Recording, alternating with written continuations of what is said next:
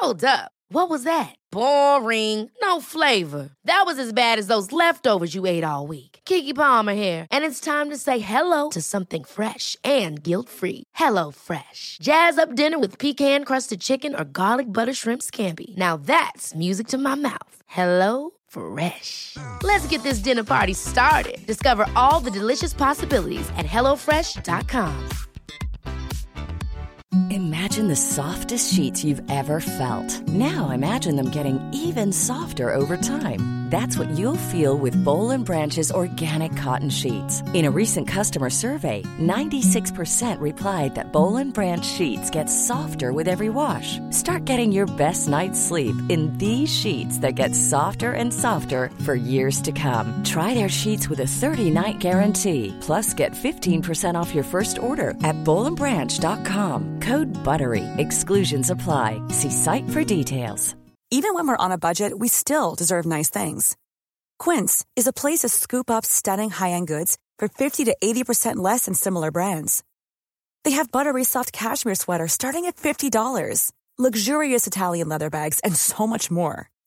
Plus, Quince only works with factories that use safe, ethical, and responsible manufacturing. Get the high-end goods you'll love without the high price tag with Quince. Go to quince.com slash style for free shipping and 365-day returns. Sånn, første gang i hele mitt liv, hele generasjonen min, at vi opplever noe som er såpass dramatisk, på en måte, sånn som alle andre generasjoner, andre, andre folk alle andre plasser har. Ja. om Katastrofer og kriser og pest og sykdom og krig og alt mulig. Mens Ja. jeg er født etter krigen. Mm. Aldri vært i nærheten av noe sånn Nei. som ligner på det her, da. Nei. Sjøl om det er trygt og greit, så er det et eller annet skummelt bakom der, syns jeg. da. Ja. Som, som er noe helt nytt, som er Mm. nærme 70. Ja, for jeg lurte også på om jeg noensinne har opplevd noe lignende. Det har jeg selvfølgelig ikke, for jeg jo men, men jeg tror nok eh, Og så hørte jeg en podkast som snakket om eh, hvordan barn påvirkes av dette, og hvilke aldersgrupper som påvirkes i hvilken grad osv. Og, så og det spiller selvfølgelig en stor rolle hvordan foreldrene reagerer på dette, og hvor, eh, hvor trygge de er, og hvor, hvordan de håndterer de utfordringene som, som kommer. Så, så vi har vel ikke hatt noe Vi har liksom hatt sars og svineinfluensa var ikke på dette nivået i det hele tatt. Nei, det er langt unna, vet du. Det, det, Men jeg husker, det eneste jeg husker som uttrykk fra min tid, sånn født helt på slutten av 70-tallet og begynnelsen av 80-tallet Jeg kan huske at foreldrene mine var bekymra for en veldig høy rente. Å ja. På sånn type 17 eller et eller annet. Og det er jo veldig høyt. Eh, Så da husker jeg jeg hadde en sånn Jeg, jeg, for- jeg fornemmet en økonomisk uro i bakgrunnen et eller annet sted uten at jeg visste hva det dreide seg om. Og det er en sånn uro jeg kan eh, på en måte eh, Men det er det eneste jeg har eh, følt at det liksom Ellers så har jeg følt at livet er så trygt, og tinga er så trygt, og, og, og vi Så alt fungerer, vet du. Alt, er- alt fungerer, alt går på skinner, så man får nesten en sånn slags uh, selvtillit. Man tror man kan gå på vannet på et eller annet. Ja. uh, og, så, og så plutselig så skjer dette, så skjønner man virkelig hvor sårbar man uh, Jeg tenker på det, jeg har vært borti atomvåpentrusselen, jeg da. Gikk med nei til atomvåpen Ja. og sånne ting. Men jeg var ikke Jeg, kjente- jeg, jeg, jeg, snakka med andre som jeg merka var redde, da, ordentlig. Ja. Men jeg var aldri det sjøl. Men det, det, det, det så jeg jo. mm, folk var virkelig redd for, for bombe i hodet, ja. Ja. Den kalde krigen. Kalde krigen, ja. Ja. Så Nei, men vi har vel en liten regi jeg er bare, jeg, jeg er opptatt av at det, ja, det er greit at det blir akkurat hva det blir, da, men, Mm. men at vi tar Jeg syns ikke vi bør snakke bitte litt om koronasituasjonen, opplevelsen og hvordan vi har det, hva vi driver med, bare sånn, sånn, litt sånn i starten der. Mm. Og, og siden det skal handle om smerte og lidelse, så syns jeg kanskje vi burde si litt om smerten som mange opplever òg, kanskje i akkurat det som skjer nå. Men ja. Kan ikke du begynne med det? at vi starter nå der, ja. Ja. Og så går over litt til smerteunnvikelsen i samfunnet, kanskje. da. Og så etter hvert over mot påske og litt sånne ting. tenkte jeg da. ja. Som eh, Hvis vi begynner nå, så, så er det snakk om at eh, vi, vi skulle hatt et arrangement sammen med hun eh, Aud eh, Sunde Smemo fra domkirken her i byen. Men eh, av situasjonen så sitter vi to meter fra hverandre eh, og har sprita oss. eh, sånn at vi er desinfiserte. Og, og tar den praten oss imellom uten noe publikum, for du skulle vært på teatret i Kristiansand. Det ble selvfølgelig avlyst. Ja, Men kan vi du si at tenkte- pressen er veldig øh, Kunne ikke være med huller da, for det er en veldig spesiell situasjon for Johan da. Ja, absolutt. Så, Så, så da, men vi tenkte at eh, vi kunne snakke litt om eh, smerte og lidelse, bare vi to. Og så handler det litt om ting, ja. Ja, litt om situasjonen som vi er i akkurat nå. Og så, og så, var det egentlig et eh, påskearrangement, som var det et alternativt påske... Ja, alternativ til, eh, til å gå i kirken, kanskje. Eller kanskje et supplement til å gå i kirken eh, i påsken. Jeg vet ikke hvordan du tenkte om det? Nei, ja, nei, jeg tenkte bare at det var altså, det å snakke om påska i forhold til at det, påska nærmer seg. Det, det var jo derfor vi tok, eh, vi tok det eh, sånn, sånn, Mm. så påske som tema rett før påske. da. Det ja. Ja. Men for å begynne, da, hva slags tanker har du om situasjonen vi er akkurat nå? Med koronavirus og covid-19? har du starta nå, eller? Ja. Du har det, ja. ja. Nå har vi starta. Det er allerede i gang, det, ja. Ja. Ah. Ja, ja, nei det...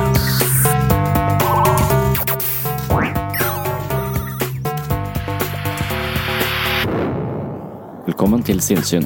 Jeg heter Sondre Risom Livre, jeg er psykolog, og dette er Webpsykologens podkast. Hverdagspsykologi for fagfolk og folk flest.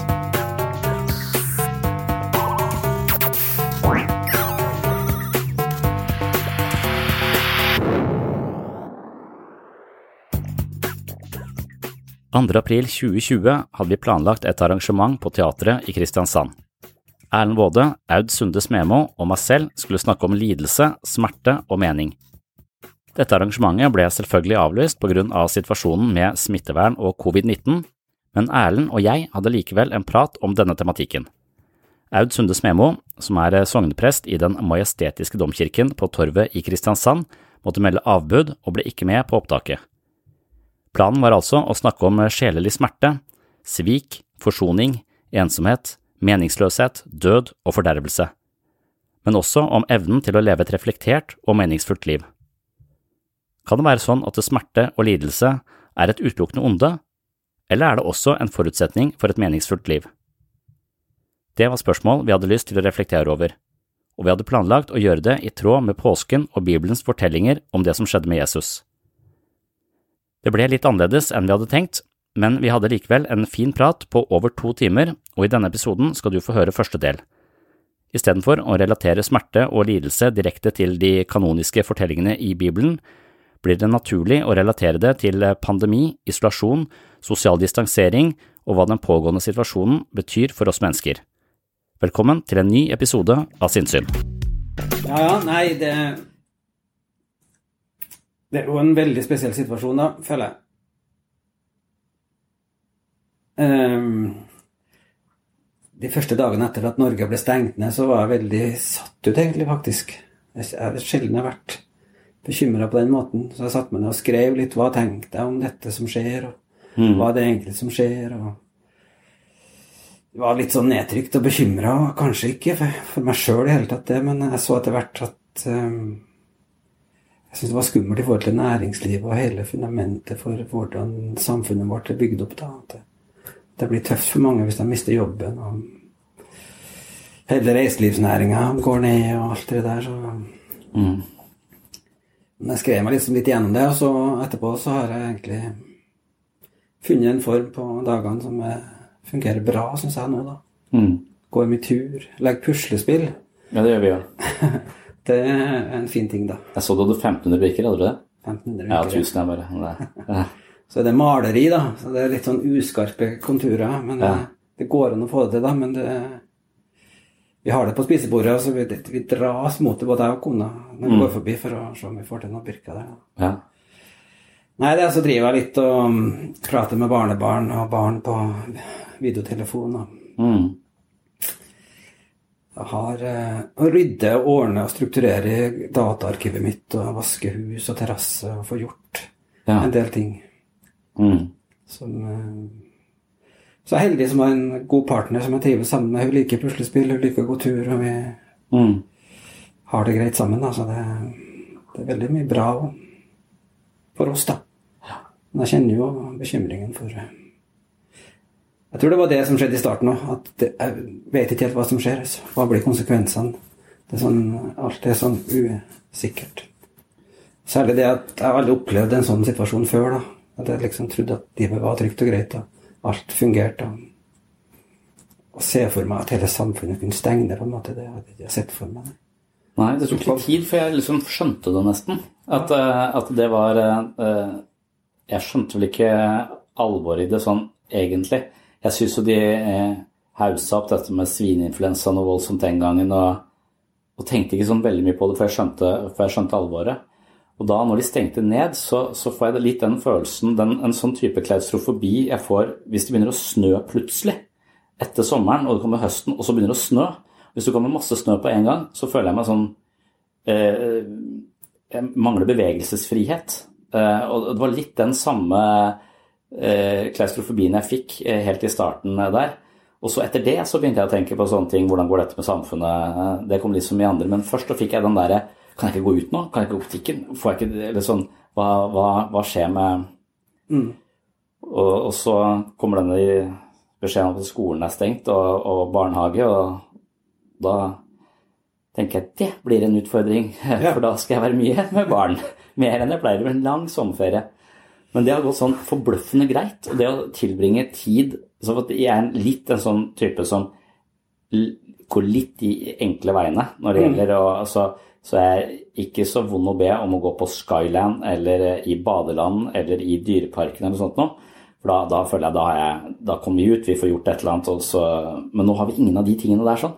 Vi, vi kan ikke gå på lekeplass engang. Vi har sånn ganske strenge ting. Vi treffer ingen andre, andre folk. Vi, vi er bare oss, og vi går i skogen hver dag. Så nå driver jeg og spikker pil og bue, og jeg lager eh, barkbåter. Så jeg føler jeg er på en sånn Amish sommerferie. Og så har jeg godt av det. Eh, og barna mine trives. Jeg trodde de kom til å ta livet av hverandre, men det gjør de ikke. Altså, de, de klarer å tilpasse seg denne situasjonen. Det, det syns jeg er eh, På en måte så har hele Alt jeg skulle nå, denne, dette arrangementet vi skulle ha, det, det, er avlyst. Alt annet jeg skulle, er avlyst. Og Så er det deilig. Jeg er glad for det. Ja, det roer det seg litt òg, da? Eller? Det roer seg, samtidig som det er denne bekymringen i bakgrunnen. Og så, så jeg tenker på, jeg kjenner mange folk som, eh, som dette går hardt utover. Mm. Eh, så, så, det, så, jeg har en sterk uro for det, og jeg hadde en enorm drøm i natt som jeg ikke har hatt. Jeg har ikke drømt så sterkt og så angstprovoserende tror jeg på så lenge jeg kan huske. Det tror jeg også, også knytter seg til, til dette her. Eh, så, så, på en måte så finner jeg en slags jeg finner en slags melodi eh, som jeg kan spille. Og som at For meg så er det, jeg ser at barna trenger struktur, så vi må stå opp til samme tid. Vi må kle oss, vi må spise frokost, leke en halvtime, så på lekser, så på gym, eh, så på lunsj. og Så, kommer, eh, så, så, at vi har helt klare timeplaner. Da. Og Det tenker jeg er kjempefarlig, fordi i, i, dag og, eller denne uka så vi kommet i gang med gruppeterapi på nett. Og jeg ser hvor fort livet til noen som er i vanskelige situasjoner, faller i grus når de ikke, ikke de har struktur. Ja, så, så, det at vi har noen grupper her som går her tre hele dager i uka, og noen går her fire dager i uka, mm.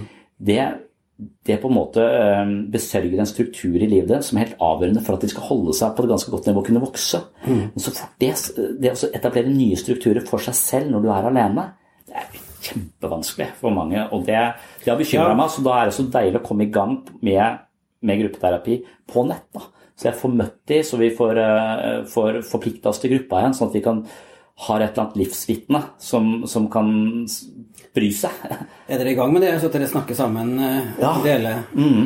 opplevelsen av situasjonen nå, da, hvordan folk ja. har det? Mm. Ja, for det er jo med mental helse og det, det er jo noen grupper der, og vi prøver å skal samles igjen. Vi òg, bare ja. fire-fem stykker. Iallfall dele opp litt.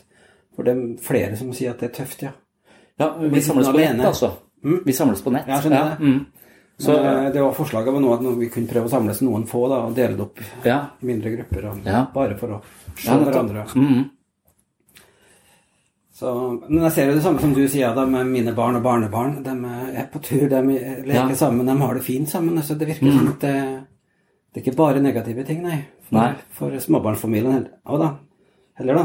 Men eh, det er klart, det, er vanskelig med å få til kombinere det med jobb og få konsentrere seg med jobben og ha hjemmekontor og Ja, hjemmekontor med barn er helt håpløst. Det... det... er helt sjanseløst, det er min erfaring. og, og, hvis du prøver og tror du skal få gjort noe, så blir du bare kronisk skuffa. Eh, så det er bare gitt opp. Men, eh, men, men, jeg er jo litt glad for at jeg da kommer meg ut på jobb fra, fra ofte jeg kommer litt klokka sju på morgenen, og så er jeg til tolv. Og så drar jeg hjem, og så er det ute i skogen med barna til nå Det var derfor jeg kom litt seint her i dag, jeg kommer rett fra, fra det. Liksom. Så, så da, da, finner du en ny melodi, en ny, en ny, takt å gå i, på en måte, som, som er annerledes enn den takta du gikk i, mm. gikk i, før. For før så var det sånn det var trening, var to treninger på én gang, og så skulle vi spille kamp, og så, og så, skulle jeg på et arrangement med deg, og så, liksom, så var det jo det var sånn heseblesende hele tiden. Og nå har vi Tempoet er, er nede, selv om det er ganske krevende å være barnehage onkel, eller hva man kaller det, og, eller pappa, da, som det heter når, man, når det er sine egne barn. men, eh, og, men, men, jeg er eh, jeg, Denne uka, liksom, når vi har klart å starte opp gruppeterapien, det føltes som en enorm sånn åh, Det var så meningsfullt å se at gruppe, hvor, hvor, hvor, viktig det var for de i den gruppa å møtes og se hverandre, hvordan de hadde det. Mm. Og hvor viktig det egentlig var for meg å se hvordan, eh, hvordan de for det er mange jeg har tenkt på å bekymre meg for, liksom. Ja. som jeg snakket med på telefon, da, men som nå, nå kunne liksom se også få, få, det i gang igjen. Så det Ja, jeg husker du snakka sist om at du tok med deg jobben hjem, og du, du, du tenker på folkene dine? Ja, jeg bryr meg. Altså, bryr det, det, det, er jo på en måte min flokk, da. Ja. Altså, de, de folka som jeg møter her, selv om den flokken hele tiden de er her en stund, og så forsvinner de. Vi har møtt hverandre en periode, og så forsvinner, eh, forsvinner de ut. Men det er likevel, hele tiden så er det jo den flokken jeg, jeg hører til, som er, eh, er, her sånn. Og da tenker jeg, tenker jeg, på det, og så tenker jeg også at den uka hvor de stengte ned, og vi ikke gjorde noe her. Vi bare gikk litt sånn hvileløst rundt. Følte det var litt sånn depressivt for meg også. Mm. Å ikke treffe de, eh, de, menneskene i gruppeterapi som jeg er vant til å treffe hver eneste Så strukturen her falt jo, ikke sant. Så vi febrilsk å bygge opp en ny struktur her. Eh, og så måtte du gjøre det på hjemmebane, sånn derre omstruktureringa. Men det tredje, du skal være ganske psykisk sterk for å lage gode strukturer i livet ditt raskt, og vende deg om raskt, og kunne så at det, For det syns jeg var vanskelig selv. Og, det, og, hvis du da i tillegg har er blitt permittert, har bekymring for økonomi, mm. har bekymring for egenhelse, kanskje du har noe underliggende, er bekymra for din andres? Det er så masse stressfaktorer oppi dette her at man skal omstrukturere livet sitt. Så en, en vanvittig situasjon vi, for, for mange tror jeg det. Ja. Det hjelper hvis du har ting på plass i livet ditt, har struktur og har det bra. Absolutt, men ja. så kan du kanskje klare det bra, men når du har slitt mm. og det kommer en katastrofe, så, mm. så det jeg, jeg er opptatt av bibelfortellinga og tenker på Noah. Han bygga en båt, så han hadde noe som uh, tok vare på familien sin når eh, ja. katastrofen kom. Han hadde forberedt seg. Ja. Ingen andre. Men han hadde det, da. Det kan tolkes på mange måter, den fortellingen der, da. men det er noe der. Mm. Og at kanskje livet er ikke så trygt som vi tror. da, Vi kanskje er blitt lurt litt. Jeg tror at alt skal gå på skinner hele livet. At ikke alle Mm. har vært forberedt nok, da. Men det, det er vanskelig på, hvert, eh, på hver enkelts nivå, selvfølgelig. Når livet er vanskelig, så blir det enda vanskeligere når det, det skjer sånne ting som har skjedd nå. da. Absolutt. Ja, men um, nei, det jeg skrev og tenkte mye på i første uka etter at Norge ble stengt ned, det var jo hva kommer vi til å lære av dette? Altså, hva vil vi snakke om etterpå? Ja. Jeg driver og tenker sånn, jeg, da. Ja. Uh, jeg tror at vi tar i ting, kommer til å ta ting så selvfølgelig kanskje blir litt mer takknemlig for det vi har, og det som tross alt mm. er bygd opp og vi har fått til. på en måte. Alt blir selvfølgelig, kanskje. Kanskje litt større alvor i noen av samtalene rundt kaffebordene og litt sånne ting. Jeg skrev litt om det der. At jeg, jeg tror nemlig ikke at vi fortsetter som før etterpå ennå, da. Jeg tror det blir noen sånn grunnleggende ting som endrer seg. Mm. Men jeg vet jo ikke, altså. Jeg ser jo at Kina er tilbake snart igjen. Jeg lurer på for har de forandra måte å leve på. Jeg er ikke sikker på det. Altså, tenker på. Nei. Men eh, det er et annet samfunn. Det er et annet samfunn. Men ja, men jeg tror du lærer vi noe. Så tror vi at det er noe så heftig som skjer nå, at det blir noe grunnleggende endringer i måten vi forholder oss til hverandre, eller måten vi Rent personlig så blir det blir det, det. For, det, blir det. for meg Mm, men jeg vet ikke, jeg har ikke tenkt sånn veldig mye på de store forandringene, men jeg ser at, eh, at alt det der stæsjet jeg omgir meg med, og alle den der aktiviseringa, mm. kan tas ned så mange hakk og få en helt annen kvalitet. Mm. Så at jeg har eh, i denne hektiske livsstilen har prøvd å kjøpe meg på en måte fri ved å bare plassere oss i en eller annen fornøyelsespark, nærmest. Altså en eller annen sånn hoppeland eller eh, hva det skal være. At, det, at vi har hatt et veldig sånn stimuleringsnivå har vært så høyt. Og så tror jeg det har gått til et lavere stimuleringsnivå. Og at de faktisk klarer å kjede seg litt, og da, etter at de har kjeda seg litt, faktisk finner et initiativ i seg selv da, til å gjøre noe. Og ikke at jeg skal være For, for det er nok den frykten jeg også fikk. Oi, skal jeg være hjemme med barna? Da må jeg liksom eh, da må jeg ha et eller annet show her. Er Eh, på terningkast fem så blir jeg pepet ut eh, i andre akt. Altså at jeg er litt sånn overaktiv eh, pappa. At det er en sånn misforstått måte å være på, egentlig.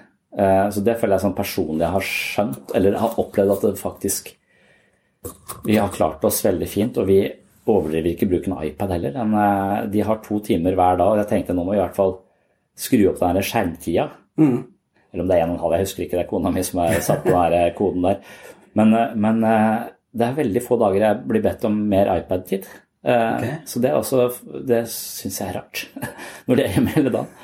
Mine barnebarn fikk eh, her to timer om dagen jeg, på ettermiddagen og én time på morgenen. Ja. Så etter helga nå på lørdagen tror jeg det var, så sa mora at de skulle få fri bruk. da. Ja. Da De satt lenge. Ja. Det var første- og andreklassinger, da, men det, Ja. ja, ja den ene holdt på hele natta nesten òg, da. For en, ja, det er så mye spennende der ute, tydeligvis, at det, Ja. det er helt ubegrensa. ja. Men de er jo masse ute i skogen og masse andre ting, da. ja. Så, men jeg skulle, hun skulle ikke gjøre det noen flere ganger, sa hun da. At jeg skulle ja. ikke slitte helt løs, nei. Altså, en andre, andre ting jeg har tenkt på denne så Om vi kommer til å endre det der med digitalisering det, Jeg tror vi tvang oss selv 15 år fram i tid, for jeg vet jo at eh, det å snakke med folk på FaceTime er mulig, bare jeg driver ikke med det. nei. Eh, og jeg synes det er helt Før så har jeg tenkt det er helt unødvendig å se den jeg snakker med. Mm. og, og for andre så ble jeg så innmari opptatt av mitt eget bilde oppi hjørnet der, og så hvordan jeg ser ut her. Ser ja. ut, ser så bleik ut, og, så, at jeg, så det forstyrrer meg, meg nesten. Men så eh, nå, Jeg vokste opp i Tønsberg, og der er det sånn ti eh, gode kamerater som jeg vokste opp sammen med, og som vi treffes to ganger i året. Nå i løpet av de siste 14 dagene så har vi truffet hverandre to ganger. Eh, og vi har spilt noe sånn Kahoot eller sånn spørrespillaktige greier og hatt en øl hvert vår. Jeg ser alle ansiktene, og jeg snakka mer med dem nå enn jeg har gjort eh, i hele fjor. Ja. Og det, det er jo ja, det er sånn at jeg, jeg plutselig så Og så var det en sånn en kamerat her som spurte skal vi ta en teletequila eller en Wifi-whisky her, her på jobb. Og da, og det var, da møttes vi en fredag, og så bare på, med bare maskinen på magen, liksom, eller i, i sofaen. Og, og jeg som er litt sånn introvert. Altså, det virker ikke sånn at jeg, jeg det virker ikke sånn, nei. Nei, men, men jeg trenger egentlig masse tid for meg selv. Um, bortsett fra at jeg har det ikke, for jeg har barn rundt meg hele, hele tida. Men i utgangspunktet så, så scorer jeg veldig høyt på, på det, så jeg trenger tid, tid for meg selv. Og, og, og da er terskelen for å si ja til en avtale på Skype eller uh, Zoom, som vi brukte da, den er lavere enn å måtte liksom forlate huset mitt, gå ned på et annet sted, gå inn på et utested. Så, så, så jeg kan nok være mer sosial på denne måten, selv om jeg ser at det er masse ting vi går glipp av her. Men terskelen, det føltes som lavterskel å møte noen noen timer over eh, i min eget hjem. da. Jeg slapp liksom også kle på meg så ut og alt det. Ja? Ja. Så, så det, det liker, jeg, liker jeg litt. Vi snakker jo mye med barn og barnebarn, kanskje særlig barnebarn vi nå på, på videotelefon. men altså, Og det er veldig bra, da. Veldig hyggelig og veldig mm. forteller hva som skjer, og vi ser hva de gjør. Og, Ja. Men jeg ser jo at de, de ønsker egentlig den der analoge, Ja. fysiske kontakten òg, da. Det er jo en bra, veldig bra alternativ, da. Ja. Når ikke vi kan det, da. Så Nei, det, jeg tror jeg vi kommer til å lære litt om andre måter å møtes på, eller kommunisere på, at det blir enda viktigere, kanskje. da. At jeg, sant? Så har jeg veldig tro på det fysiske, analoge Ja, absolutt. Det er også samtalen og, og møtet òg, da. Og jeg har alltid øh, tenkt at det er, det er veldig viktig, og jeg er også enig at det fortsatt er veldig viktig. Men nå er vi i en S-situasjon hvor sosial distansering er liksom øh, Det er, det er nesten en sånn fordel å ha en schizoid personlighetsforstyrrelse, for da, er, da er du akkurat der du skal være i, i disse tider. Men, øh, men så hører jeg liksom disse menneskene som har drevet med digitalisering i mange år. Hørt en, en, et intervju med han sjefen i Wordpress, som er den plattformen som jeg bl.a. har min hjemmeside på. Og han har mange tusen ansatte over hele verden, og de møtes jo veldig sjelden. Men de har sånne åpne arbeidsplasser på nett da, hvor folk eh, sender ut et spørsmål, så kommer det svar. Så, så, de er liksom på en måte som om de sitter i et åpent kontorlandskap. Mm. Men de prioriterer sin egen tid. De har ikke noe arbeidstid. Bare de leverer, så er det greit. De legger seg ikke opp i hvordan de Så du kan på en måte strukturere hele livet ditt hjemmefra på en annen måte. Du kan gå og trene, du kan gå og jogge, du kan hente i barnehagen, du kan treffe. Så du kan legge opp. Så, og så har de jo folk over hele verden, så de jobber jo egentlig 24-7. Det er alltid noen på, ikke sant. Så avhengig, så det er ikke noe sånn Så, så de har en stor grad av frihet der. Samtidig som man sier at i et møte face to face i sånne store firmaer, så vil det være de ekstroverte og de mest brautende folka som sier mest. Mm. Eh, og dermed så kommer ikke de eh, som bruker litt lengre tid, til. Nei. Uh, mens i de møtene de har nå som varer ganske på en måte, Hvor folk spiller inn etter hvert som de kommer på ting, altså mm. inn, da, da, får de også de, de kommentarene som blir borte i støyen da, på de face-to-face-møtene. Interessant. Så han snakker om flere fordeler med den måten å ha et slags digitalt firma, firma på og væremåte. Og jeg tror nok kanskje vi kan adoptere en del av det, for det vil også kanskje gjøre noe med urbanisering. altså at Hvis du ikke trenger å reise inn til sentrum mer enn to-tre ganger i uka, f.eks. face to face, så kan du bo andre steder. Mm. Du kan godt bo da Så, så istedenfor å flokke oss sammen på ett sted, så kan vi kanskje spre oss uh, uh, litt mer. Spennende det der, altså. Uh, jeg kjenner igjen, jeg har vært en sånn beskjeden, forsiktig fyr ganske store deler av livet mitt. og Jeg ja. følt mange ganger at toget har gått. Jeg skulle si noe, så da var de andre kommet til et annet sted. Ja. Det å henge seg på i en stor gruppe og tørre å tenke at en har noe å bidra med. Ja. Det, det, er et stort problem, tror jeg, egentlig, i mange sånne sammenhenger. Det tror jeg at, at de som burde sagt noe, kanskje ikke sier noe, eller ikke kommer til orde. Så blir de som mm. liker å høre sin egen stemme, kanskje, eller som prater for mye mm. som, som, blir hørt. da. Men har du noe av dere der som er, er litt sånn kritisk person, eller litt sånn skeptisk person, og det er ikke alt politisk korrekt? Har du ja. sånn motstand mot alle ting som skjer i koronasituasjonen? Da? Hva, er det stemme alt? Er det riktig det vi gjør? Er det grunn til å være så forsiktig som vi er? Stemme alle? Ja. Er det alle dødsfallene bare pga. koronaviruset, eller er det underliggende årsaker som gjør at det bare tipper? Det, det er mange sånne Det er min personlighet, tror jeg. Som, når alle er enige om at sånn skal det være, og sånn er det, så begynner jeg å tenke stemmer det helt det der, eller Jeg har en sånn ja. motstand i meg mot uh, Er det for mye angst? Er det overdrevet? Er skadevirkningene større enn tiltakene? Mye sånne jeg, jeg, jeg tenker en del rundt det der, altså. Ja. Men ingen vet jo, altså. Nei, det er nettopp vanskelig. Ja. Så, så, der har jeg den der grunnholdningen om at alt du tenker og føler er feil. Ja, det si det der. Og, og, og, derfor så Men det er egentlig bare en, en måte å si at uh, dette er såpass komplekst at uh, vi får bare samle på alle ideer som uh, ligger over terskelverdien for idioti, og så får vi bare Så, så jeg bare Akkurat som jeg bare tar til meg en del perspektiver, men jeg klarer ikke helt å, å vite det. Og så, og så, begrenser jeg det litt, for jeg mm. kan bli bekymra. Eh, så, jeg, så jeg, har, eh, jeg, ser litt på nyheter om morgenen, og så ser jeg litt på ettermiddagen, så, men helt begrensa. For i starten så, så, slukte jeg det på en måte og merket at det var akkurat sånn som den forbanna telefonen som tar oppmerksomheten min hele mm. tiden. Den, det, nå ble nyhetssendingene på samme måte. altså Jeg var helt sånn så, øh, og det skjønte jeg heldigvis raskt at det kan jeg ikke drive med, så, så jeg begrenser det.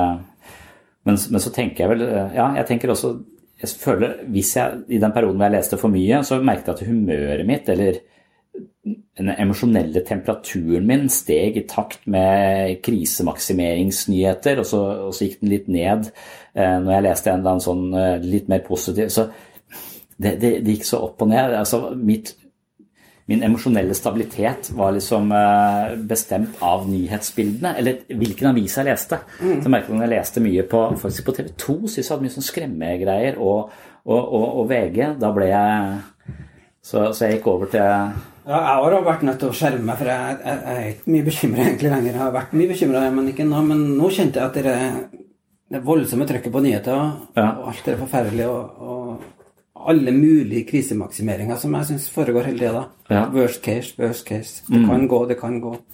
Det, det virka på meg, så jeg har gjort det der med at jeg må Jeg vil ikke høre på noe mer enn litt om morgenen og litt om kvelden. Og så gjøre andre ting som, som er positive, da.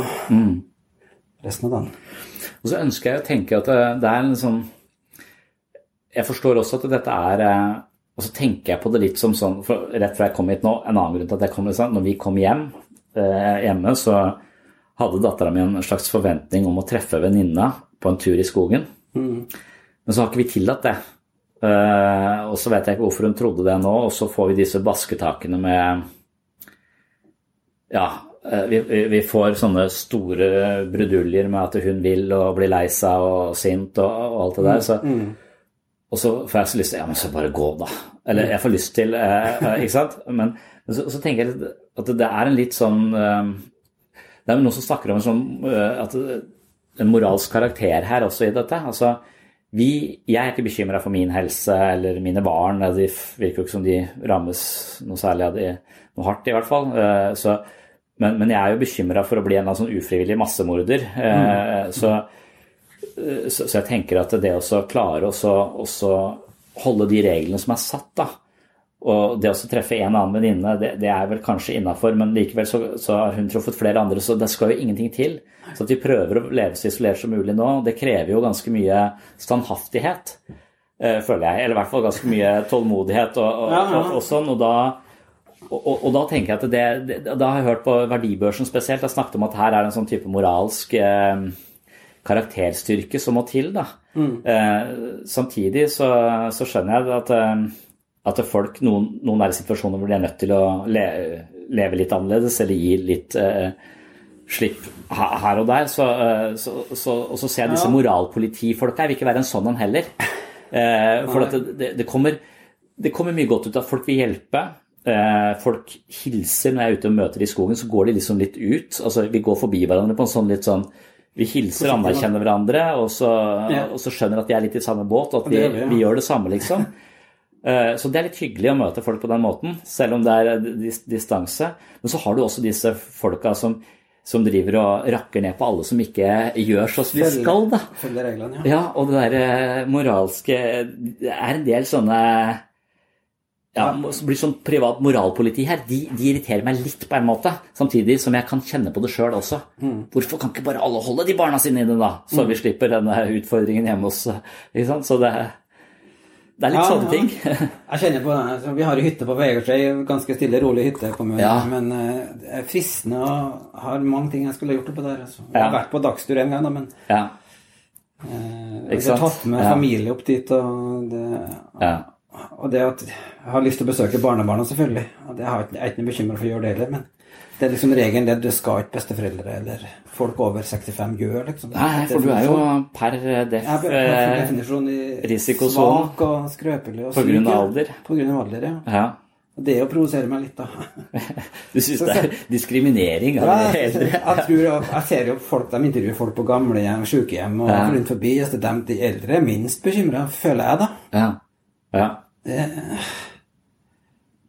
Ja, men eh, Ja, så det er klart det er, vi er mer i risikosonen, men det er fordi den har underliggende sykdommer. og det, Ja, det dør jo mange av andre vanlige influensa hvert år, eldre folk òg. ja, ja. ja. Så det Men du, for å komme litt over til dagens tema så, så Ja, på smerte, lidelse, det er jo for så vidt det vi er inne på da. Ja, det er smerte, lidelse Ja. Om det er mening i det, om vi kan lære noe. Det var ikke det vi snakka litt om i utgangspunktet. så Mm. Den tematikken der, og i, i forlengelsen av det påskeholdet som handler om lidelse, altså en som Mm. frivillig går inn og dør da, på en måte, for, for menneskeheten, sånn som det fortelles i hvert fall i Bibelen. da. ja. Spørs det da mye Ja. Det er jo mye smerte og lidelse akkurat nå, da. Mm.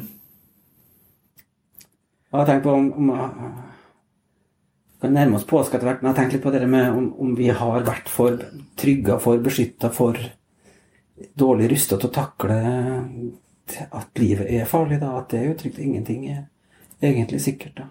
Ja, for, for jeg lurer på eh, om du kunne hjulpet meg litt med dette, eller jeg vet ikke om du Men, eh, men, eh, men den drømmen, ikke sant Eh, For eh, jeg opplever et lavere tempo som på en måte har gått av. Jeg opplever en slags bekymring for, eh, for, for økonomien, for alle eh, også Og dras i mange retninger, egentlig, i dette her. Men føler meg ekstremt privilegert, egentlig. At, eh, at jeg har en Så det er ikke først og fremst på egne vegne du er bekymra, da? Eller er det det òg? Nei, nei jeg, er ikke, jeg, jeg er ikke bekymra på egne vegne i det hele tatt. Eh, så, så, så det Og så akkurat som Jeg føler kanskje Først så var jeg litt redd for å dø selv. When you're ready to pop the question, the last thing you want to do is second guess the ring. At Bluenile.com, you can design a one of a kind ring with the ease and convenience of shopping online. Choose your diamond and setting. When you find the one, you'll get it delivered right to your door. Go to Bluenile.com and use promo code LISTEN to get $50 off your purchase of $500 or more. That's code LISTEN at Bluenile.com for $50 off your purchase. Bluenile.com code LISTEN. Ever catch yourself eating the same flavorless dinner three days in a row? Dreaming of something better? Well, HelloFresh is your guilt free dream come true, baby. It's me, Kiki Palmer. Let's wake up those taste buds with hot, juicy pecan crusted chicken or garlic butter shrimp scampi. Mm. Hello Fresh. Stop dreaming of all the delicious possibilities and dig in at HelloFresh.com. Let's get this dinner party started. Hiring for your small business? If you're not looking for professionals on LinkedIn, you're looking in the wrong place. That's like looking for your car keys in a fish tank. LinkedIn helps you hire professionals you can't find anywhere else, even those who aren't actively searching for a new job but might be open to the perfect role. In a given month, over 70% of LinkedIn users don't even visit other leading job sites. So start looking in the right place. With LinkedIn, you can hire professionals like a professional. Post your free job on linkedin.com/people slash people today. Jeg er ikke redd for å dø selv lenger. Jeg er redd for at menneskeheten skal dø, på en måte. Jeg er mer sånn For klima har vært min store Det har gitt meg mange søvnløse netter. Klima er noe som eh, det har gått inn på deg, ja. Veldig. Eh, Ikke gjort på meg, da, så det er noe- litt forskjell. Da. Ja, ikke sant? Det, det er forskjell. Men, men nå, den, den situasjonen nå, den kansellerer jo klimaangsten min, for dette er bra for klimaet, føler jeg. Ja. Folk blir borte, eh, og vi flyr mindre. Ikke sant? Det er masse ting som, som på en måte kansellerer eh, den der eh, angsten min for, eh, for klima. Så, så, så på en måte så kommer jeg ut i pluss ja, når det gjelder eh, uro på den måten.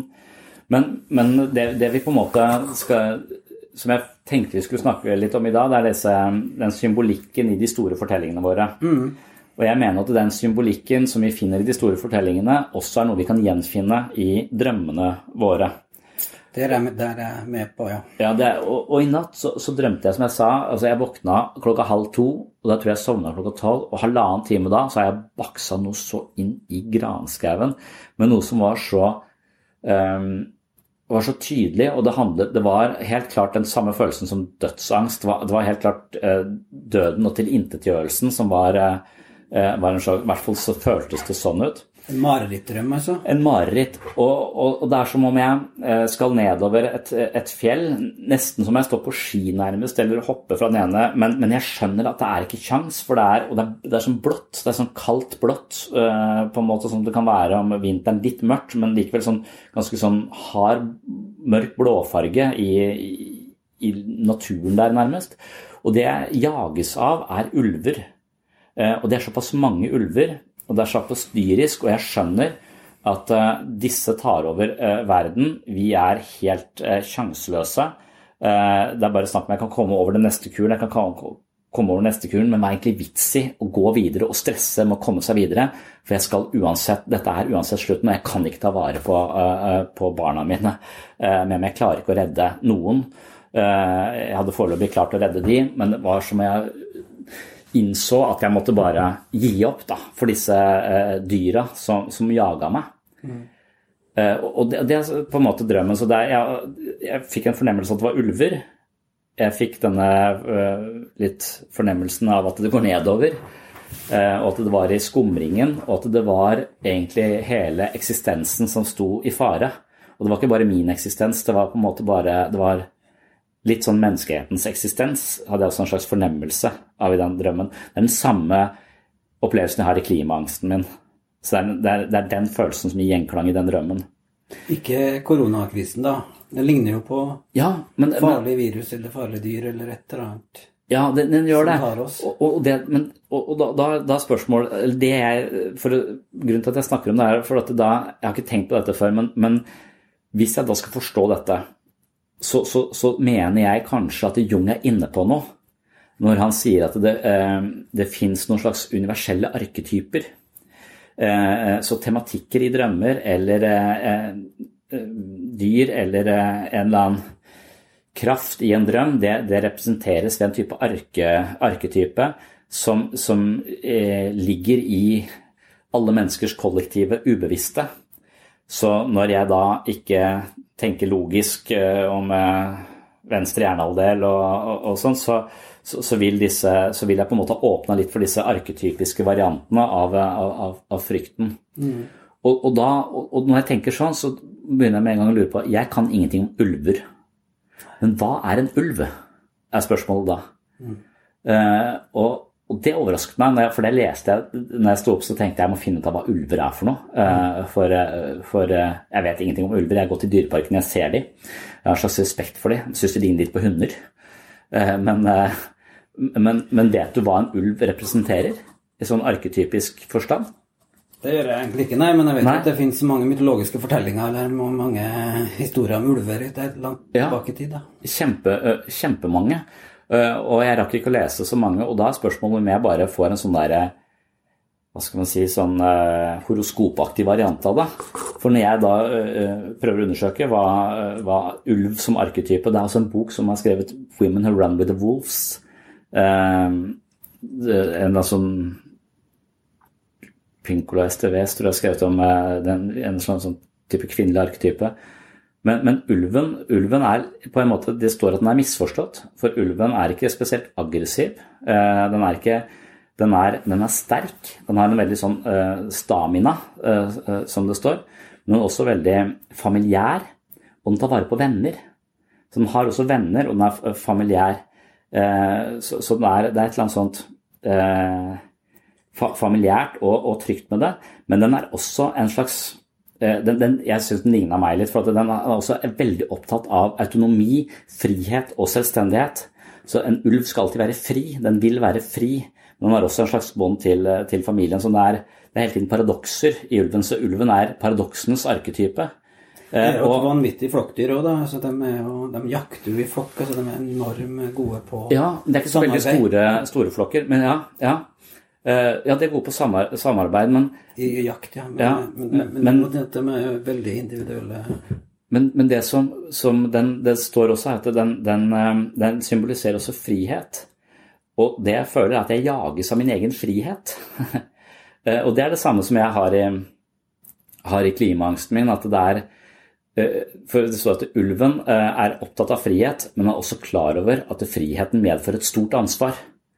Eh, og den er frihet-ansvarsproblematikken som skyldfølelsen og denne slags oppgittheten hvor jeg tenker at jeg har så mye frihet, ting har gått på skinner, jeg har tatt livet for gitt. Jeg har nesten hatt en selvtillit, jeg tror jeg kan gå på vannet. For at Norge er det tryggeste stedet å bo. Jeg har ingen, ingen uro, jeg har enormt mye frihet. Men jeg har ikke tatt det ansvaret. Jeg skal jeg misbruke denne friheten, så nå går planeten til helvete. Vi bor på en sånn måte at vi bor altfor tett. Vi flyr over hele verden, tar med oss virus overalt. Så dette er friheten som kommer og sparker meg i ræva, eller jager meg ned eh, denne fjellsida, for ja. dette er eh, Så, så det, det, var det, det det endte med, og da kom jeg ikke lenger i min un undersøkelse av ulver. Men, og, det, og det er så langt jeg har kommet. Men det er jo stilig det du forteller, for jeg leste i går kapittel med bok om Sartre som heter 'Frihet og ansvar'. Ja. Og eksistensialismen og ja. ansvaret og angsten. Ja. Og det at vi har et valg da, som skaper en grunnleggende angst, for det, det gir oss et vanvittig ansvar. Ja. Eh, og det, er det, samme, det, er noe som skjer i denne situasjonen her òg, da. At, ja. At, uh, og det er kanskje det samme som skjer rett hvor jeg skal gå. altså at jeg har et ansvar for å ikke spre denne smitten, personlig eh, ansvar. Men jeg trenger også frihet for meg selv og familien min. Så jeg trenger frihet for dattera mi, som nå ville ut. Hun mm. trenger frihet. Og så er det ansvaret. Så er det den derre eh, det er jo en, det er et mikrovariant av det, men det er nesten det vi står i hele tiden. Altså eh, ansvaret for helheten, eller friheten for meg selv. For jeg kunne også godt tenkt meg å reise på hytta. ja. Så er, vi, vi, står i akkurat disse frihet og ansvar-situasjonene nå, kanskje. På et sånt mikronivå. Ja. Og det er veldig sånn tilbøyelighet når det er krisesituasjon til at myndighetene får ordne opp, de andre får ta ansvar, de andre må fortelle meg hva jeg skal gjøre, jeg klarer ikke å vite det sjøl. Og det er noe bra der, men jeg er veldig sånn frihetselskende. Jeg vil tenke sjøl, jeg vil ta de fornuftige valgene. Ja. Jeg vil gå på rødt lys jeg, hvis ikke noen biler der. Så eksempel, jeg vil ikke godta regler uten at de har en fornuftig grunn for meg. Da. Det har jeg et problem med, da, men, men av og til er det bra, og det tror jeg så at den, Kanskje særlig i krisetida, da. At det ikke alltid han skal følge og gå i takt. Eh, Det er ikke sikkert at alltid Det, skal, det tar ikke fra oss hele ansvaret, iallfall. For å gjøre de kloke tingene eller ta de gode valgene. Nei, men jeg følte kanskje i denne situasjonen at myndighetene hjalp meg å ta mitt ansvar. Ja. Fordi at øh, jeg slapp Jeg, jeg hadde, følte ikke jeg hadde kompetanse til å vurdere hva jeg skulle gjøre selv. Nei. Fordi at jeg svingte sånn i min forståelse av denne uh, tematikken. Så da var det veldig, var veldig godt. For vi var, helt i starten skulle kona mi reise på kurs. Så når dette begynte, så skulle jeg egentlig være alene med barna i en uke hadde stålsatt meg for det på en måte, og var klar. Men, men så, og da er det ikke Ingenting er tydelig ennå. Men kona mi velger å ikke reise til, eh, på det kurset en, uke. Og det syns jeg var litt sånn småhysterisk. Mens eh, to dager senere så stenger landet. Så, eh, eller ikke det, men så, så, så det var som om hun tefta det før meg, da. Men eh, eh, ja. Nei, men jeg lurer også på om angsten er så stor der ute, at det er en del irrasjonell angst, og at myndighetene er nødt til å forholde seg til det som et faktisk fenomen, og at det er nødt til å ta sånne veldig drastiske tiltak for for å holde oss litt mer i ro. Da på en måte er jeg usikker på Ja. Det er tilbake til det igjen med om vi vi er for engstelige. Da. Vi er for redde for døden. Altså, vi er redde for uh, pest og sykdom. Vi, Ja, det er jeg er der og der. Ja, det er et vanskelig, vanskelig og litt farefullt eh, farvann Ja, akkurat det. nå, da, for det Ja. Det, det jeg er skrudd sammen litt sånn at jeg, jeg litt sånn, tenker litt alternativt, eller litt sånn Ja, godtar ikke alt som god fisk som blir sagt, eller Nei. Og, og, og, det eneste jeg tenker på i den forstand, er vel liksom eh, i, I hvilken grad vil eh, skremselspropaganda funke? Altså, er, det, er, er frykt en god pedagog? Og det er noe i meg som sier ja, litt. Fordi at eh, hvis vi blir redde nok, så prøver vi å unngå det vi er redde for. Og det vi er redde for, er smitten. Og hvis de vil ha oss til å unngå smitte, så er jo det å spre en viss grad av frykt eh, eh, hensiktsmessig. Samtidig som det har en del andre Det gjør at vi mister søvnen, så vi får et dårlig immunforsvar og dauer av viruset. Så det er, det er noe annet på Så, så det er hele tiden en sånn baksider eh, ja. ba, baksider. Men, men jeg syns det virker som om de håndterer det sånn rimelig greit. Altså, jeg hørte Erna hver dag nesten, men, men, men det er jo sånn Ja, nå har vi noen positive tall, men vi skal ikke være for overmodige. Altså, vi, må hele tiden, vi må hele tiden balansere en befolknings eh, Ikke for mye uro, men ikke så lite uro at vi tar for store sjanser. Så at de eh, Nei, så er vi avhengig av at vi, altså, vi er et tillitsbasert samfunn, som de sier. da, sånn at vi, Og myndighetene er avhengig av at de tiltakene de foreslår eller gjennomfører eller sier at vi må følge, at, at, det, at det er respons i befolkningen på det. At det, er, at det høres fornuftig ut. da. Ja. Så, Jeg ble bedt her, jeg fikk en mail eh, i går, så at eh, hvis du møter en pasient eh, på jobben her, så skal du ha på deg hvit frakk. Sånn helt sånn hvit, uh, hvit greie. Da tenkte jeg bare meg, det skjer ikke. Uh, uh, for det å møte folk i hvit frakk til eh, psykoterapi, det virker bare helt Og så skjønner jeg ikke hensikten med det. Derfor så er jeg så kjempemotstand mot å, mot å skulle møte noen Nå møter jeg ingen, da, for jeg møter de bare over eh, Skype eller Pexip, som det heter her på, på sykehuset, så jeg slipper det. Men jeg bare tenkte at eh, Hvem har tenkt å få til da er vi også inne, for, for der er det mange som har kommet masse sånne eh, betenkeligheter fra ledelsen i forhold til å drive gruppeterapi på nett. Det er eksempel så, så kan du, du, du bli mer sårbar bak en skjerm. Så du De andre i gruppa kan ikke vite om det er noen andre i rommet. Dypest sett. Altså, vi stoler på hverandre, men, men du kan plutselig lyden, hvis du ikke har den i ørene, så kan øh, flyte fritt. ikke sant? Så du risikerer at andre i husstanden kan plukke det opp, og det er veldig strengt med, med terapi. Så, så det å verne om terapirommet blir en større utfordring. Og det er det mange som sier ja, vi kan ikke gjøre det pga. disse tingene. Men så må du se, hvis vi ikke gjør det, så blir disse folka sittende alene og lure på hvordan det går med de andre. Og, og, og ensomhet føler jeg er giftigere og farligere enn eh, et potensielt brudd på taushetsplikt som jeg tenker at jeg stoler såpass mye på alle de menneskene vi har så stor respekt for andre i den gruppa, at det, det går. Så det er en sånn trygghet og sikkerhet opp mot det som er praktisk og mest eh, anvendelig i denne, i denne situasjonen.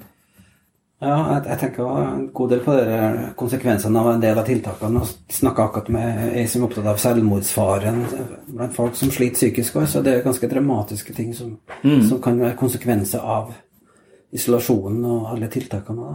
Mm. Jeg så en som skrev at de lurer på om det kan sammenlignes med Kanskje en dårlig sammenligning, da, men en elefant som eh, føler seg angrepet av en mus, og som får panikk, og som, som bare da springer eh, utfor et stup, altså. Det, sånn, det går an å tenke sånn i forhold til det som skjer, òg, tror jeg. da. Mm. Hvis mesteparten av arbeidsplassene forsvinner, hvis hele grunnlaget for økonomien vår forsvinner, hvis Ja. Det er ganske sånn heftige Men- ting som holder på å skje, syns jeg, da.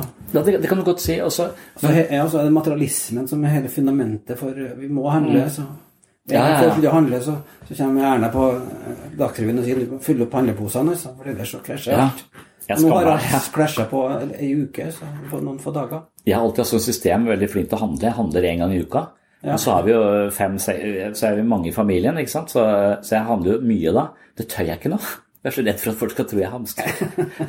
Er det sånn, så, så jeg går flere ganger på butikken nå, selv om det er totalt uhensiktsmessig. ikke sant? Men jeg er så redd for å få den der hamstreskammen. Så jeg, var og handla for noen andre pluss meg selv eh, og med familie. Da ble det stor handlemang. Så? Det var nesten at jeg gikk rundt og sa det til folk i butikken. Du, det er ikke bare til meg, altså. Det er, jeg, det, er så, sånn så jeg ikke skulle få de Men eh, ja. Ja, jeg bryr meg altfor lite, Det har alltid vært sånn der Jeg skal gjøre ting på min måte. Gjøre sjøl her er sånn, sånn barnslig greie. Så jeg skal ikke Men- ta for mye hensyn til andre. Men eh, jeg, jeg følger jo reglene nå, da. Og ser Ja, fornuften ja. i dem òg, så. ja. Men har en sånn liten protest i meg likevel. Jeg kunne ja. kanskje tenkt meg å dratt på hytta uten at man sier det til noen, eller sånne ting, da. ja. Jeg gjør ikke det, nei, men Nei, det ligger folk der oppe og skyter deg, tror jeg, hvis du, hvis du kommer over kommunegrensa. Ja, det var skummelt, det byhyllene. Det, Ja, det, det var en av, en av bekymringene mine, da. Det konfliktnivået som, som kom ganske fort òg, så. Mm. Mellom ulike grupper, da. Noen som får fordeler. Offentlige som får full lønn, private som får bare 66% eller hva det er for noe. Ja. Og by og land, og Ja. skepsisen til de rikingene fra byen som kommer. og Ja, ja. okkuperer bygda vår. sånn. Jeg tror det blir mer av det òg. Dess lenger det varer nå, dess mer blir det konfliktene. Garantert. Mm. For alt blir ikke rettferdig, alt blir ikke likt. Det blir noen som får mye tøffere Det gjør det. ting å stri med enn andre. ja. Men, Så det er jo bekymringsfullt, tror jeg, da. men hvis vi går tilbake til den her, du snakket med en i Mental Helse som var bekymret for uh, uh, selvmord og en elefant. Ja, det var sånn men- ja. ting, det, da, men det var Ja. Men, min erfaring nå, når jeg har møtt alle pasientene igjen, Mm. er at det ingen er Det som skjer, er mangel på struktur. Eh, og det er, det er farlig. Det er farlig, ja. det er farlig på sikt. Det er farlig på noen ukers sikt. Det er farlig hvis de ikke klarer å etablere strukturen på beina, og dette varer lenge, så er det livsfarlig. Jeg ser på det som helt fundamentalt for psykisk helse å ha struktur på dagen. Ha noen, hvis du da er helt alene, du må ha noen å stå opp til. Du må ha, du må ha en grunn til å kle på deg. Ja. Og, og hvis ikke du klarer å finne det, så er du helt eh, det, det er, Da er du dødsdømt, vil jeg nesten si. Altså, det er, Ja, det, er, jeg å- dyp depresjon sjøl, når du Ja. ikke har kreftene til å ha struktur heller. da, Så du, du, du er ganske hjelpeløs alene. Ja. Så det å tvile på en struktur, det, det kan jeg ikke få sagt hvor viktig jeg tror det er. Og, og, jeg ser det også hos de Men det er vanskelig alene, da, for folk kjempevanskelig. For det er jo liksom i andres blikk ting får mening. Kanskje Det at det blir, eh, blir eh, i, i, i fellesskap at ting, ting får mening. Men utover det, utover den bekymringen, så opplever jeg også mange som sier de er ikke redd for viruset. De er ikke redd for seg selv. Eh, og de eh, nærmest trives i denne situasjonen, for de er gode på sosial isolering, og nå gjør alle andre det. Så den der dårlige samvittigheten de har for å ikke gjøre noe, den, eh, den er borte. Så den der følelsen av å være litt i samme båt som alle nå, eh, kommer fram hos de. Sånn at eh, de, de, den der hele tiden gnagen 'jeg burde gjort det, jeg burde gjort det', men jeg er, sant, den hele tiden å stange imot denne, disse høye kravene de har til seg selv, som de ikke klarer å innfri, det har nå lagt seg litt. Så de, de senker skuldrene og elsker situasjonen. Ja, det er vel den følelsen at vi er alle i samme båt, da. Ja, ja, Altså, Som kona sier, da synk båten, da, men det er noe sånn ja, båten synker, men vi var der alle sammen. Alle var der. ja, ja.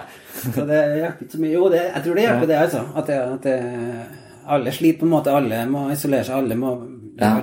er litt av den samme, mer den samme situasjonen. Da. Som du sa når vi går tur og sånt òg, så Mm. Ja. ser jeg jo at vi forstår hverandre litt. Vi vet litt hvordan vi har det. liksom Føler det iallfall når vi møtes. ja.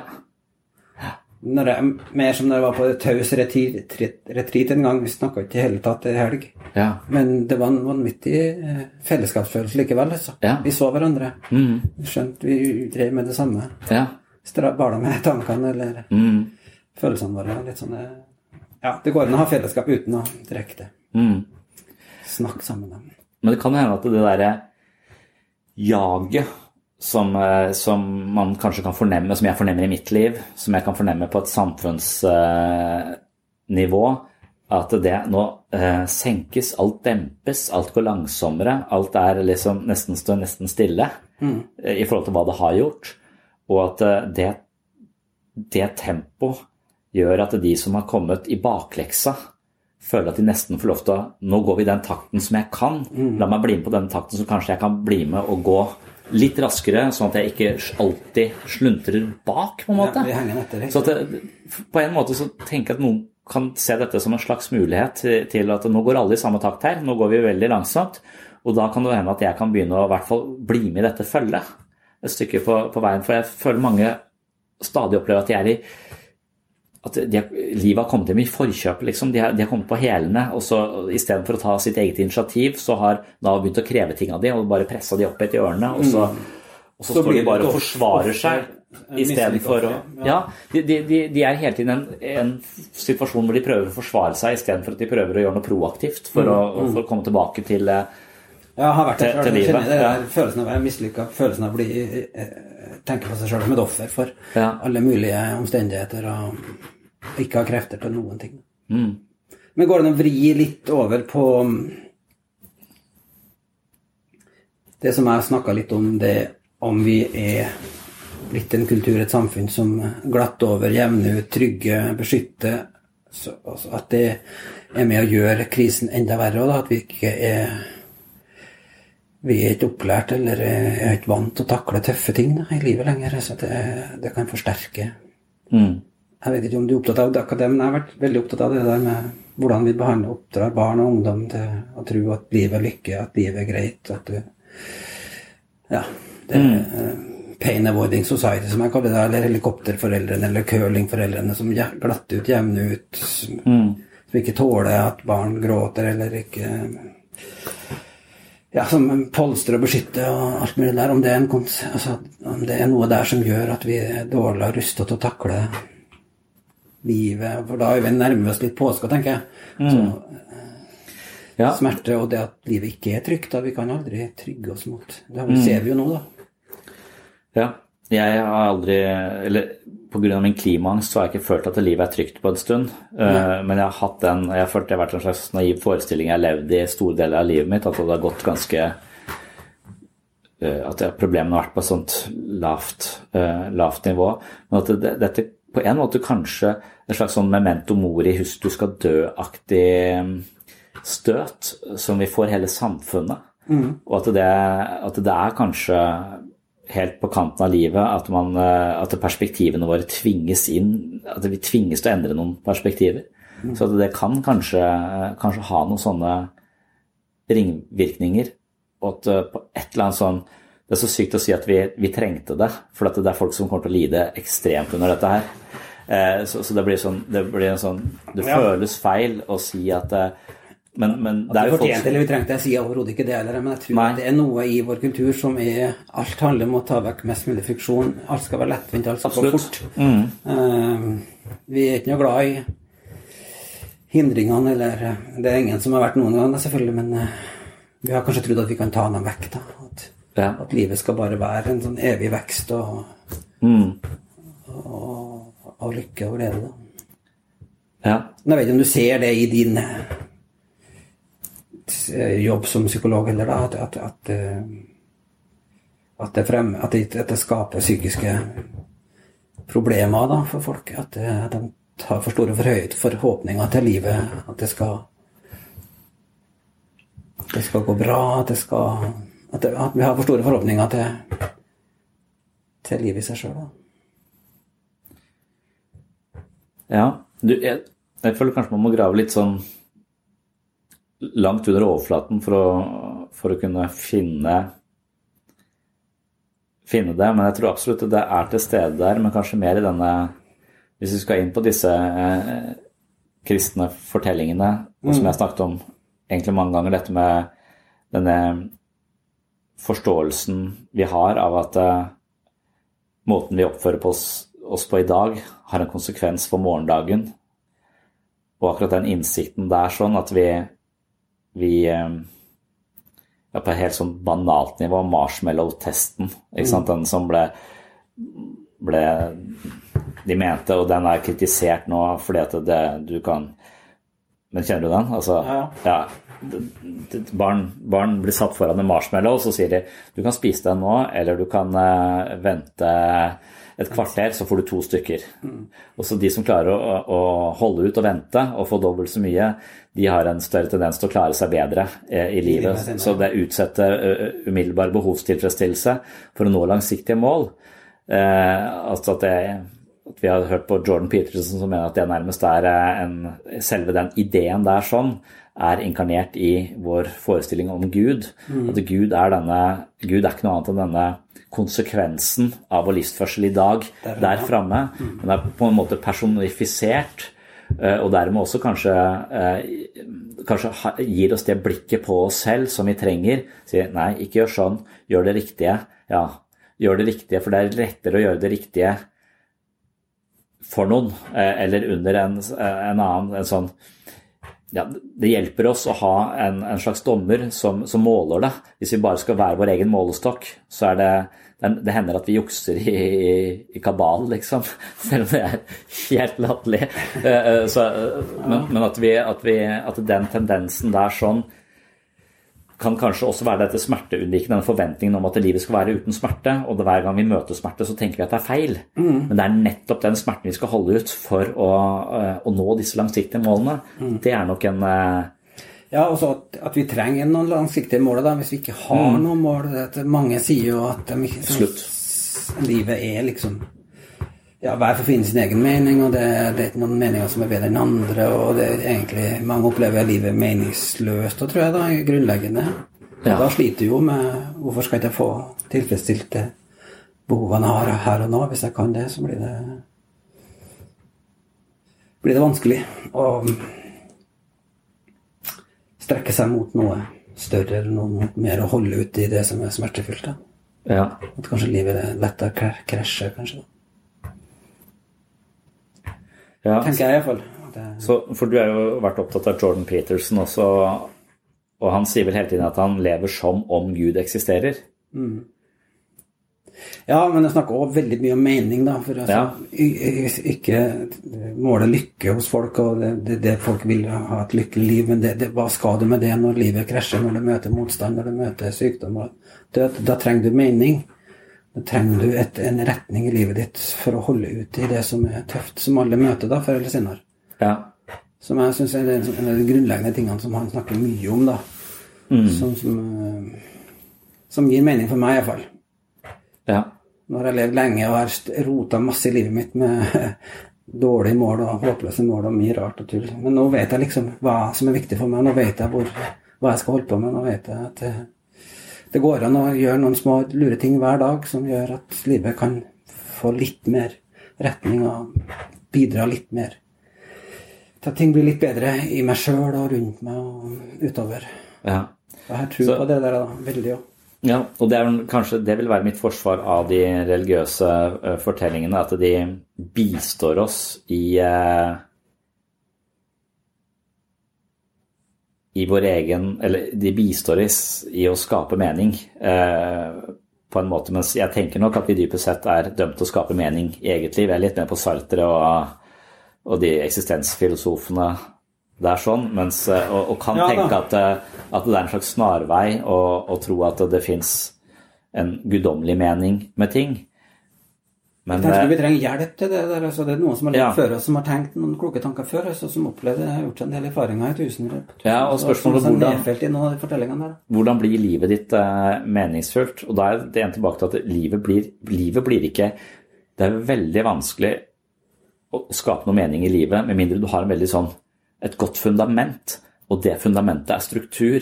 Eh, så, og, og det er det også det også virkelig engasjere seg i noe som er større enn deg selv, det, det betinger at du har et trygt sted å stå. Og det stedet du står, det er eh, at du står opp, at du kler Det er alle disse små tingene, og det syns jeg også går igjen i, i religiøse settinger. At man noen steder tar man av seg på beina, noen steder så vasker man beina sine, noen steder så vasker man eh, hendene. Man har sånne Ritualer, ja. ritualer, og det er de ritualene jeg tror også de, de gjenspeiler litt av eh, så Dette her er baseline for å skape et eh, meningsfullt Vi er nødt til å vaske hendene våre, vi er nødt til å, å ta oss på beina, ha en viss eh, ærbødighet, en viss respekt. altså Det finnes en del sånne grunnleggende elementer som, som, som er baseline.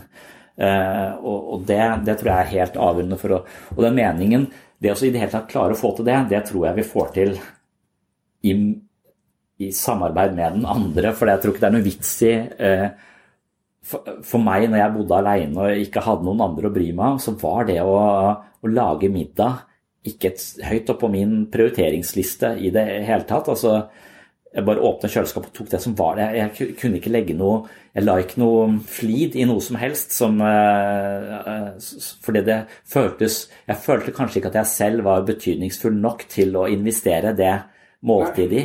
Sånn at jeg, så jeg klarte ikke å finne nok verdi i meg selv til å gidde å, å investere i det.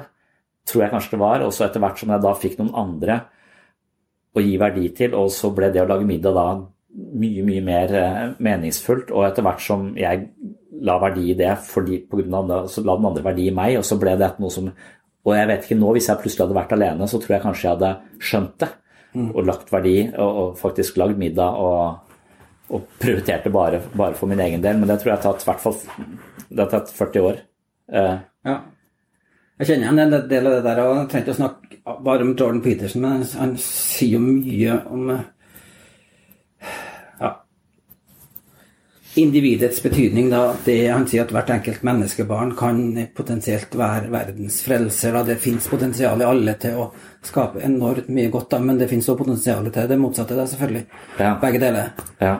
Eh, og han sier det å si til barn og unge at du er bra nok som du er, det er feil, sier han. Du har et enormt potensial. Du, Ja. det, det, det, bare ta det med ro. Du er perfekt sånn som det er, sånn som vi sier nå. Det, det er ikke en bra budskap, egentlig.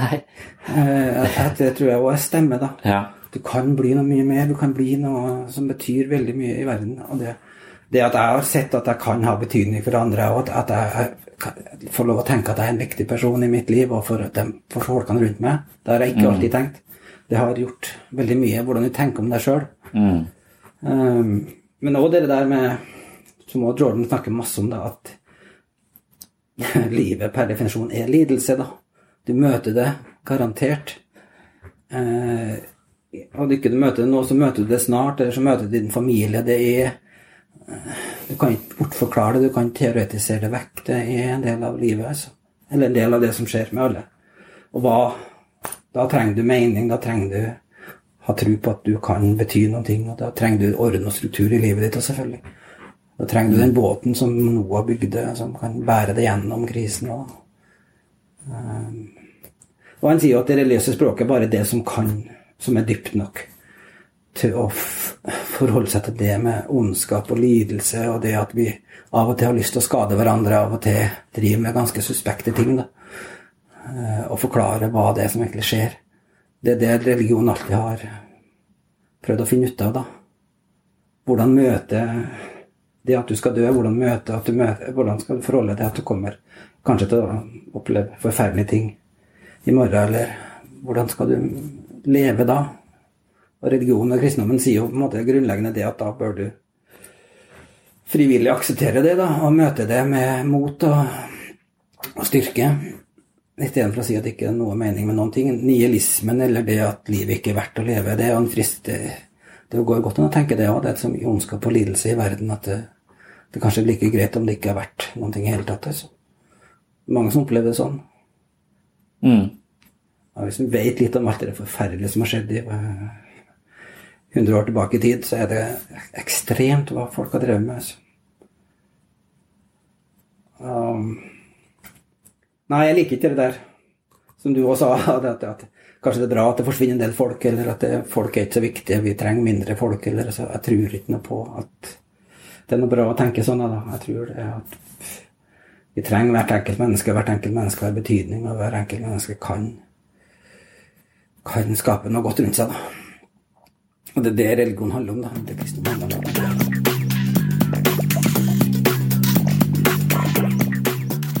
Dette var altså første del av eh, samtalen mellom Erlend Waade og meg selv om eh, smerte, lidelse og mening.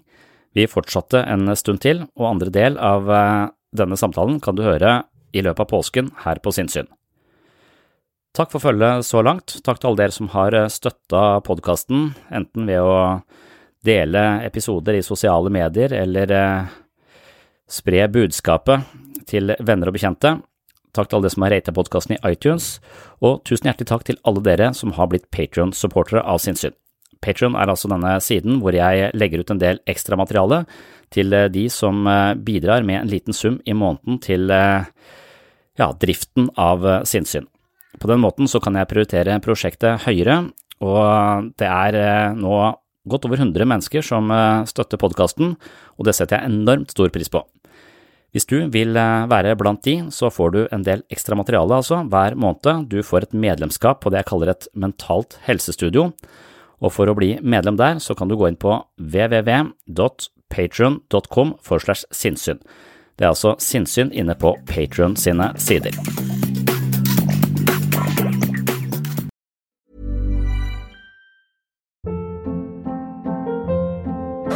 Hold up. What was that? Boring. No flavor. That was as bad as those leftovers you ate all week. Kiki Palmer here, and it's time to say hello to something fresh and guilt-free. Hello Fresh. Jazz up dinner with pecan-crusted chicken or garlic butter shrimp scampi. Now that's music to my mouth. Hello Fresh. Let's get this dinner party started. Discover all the delicious possibilities at hellofresh.com. Even when we're on a budget, we still deserve nice things. Quince is a place to scoop up stunning high-end goods for 50 to 80% less than similar brands. They have buttery soft cashmere sweaters starting at $50, luxurious Italian leather bags, and so much more. Plus, Quince only works with factories that use safe, ethical, and responsible manufacturing.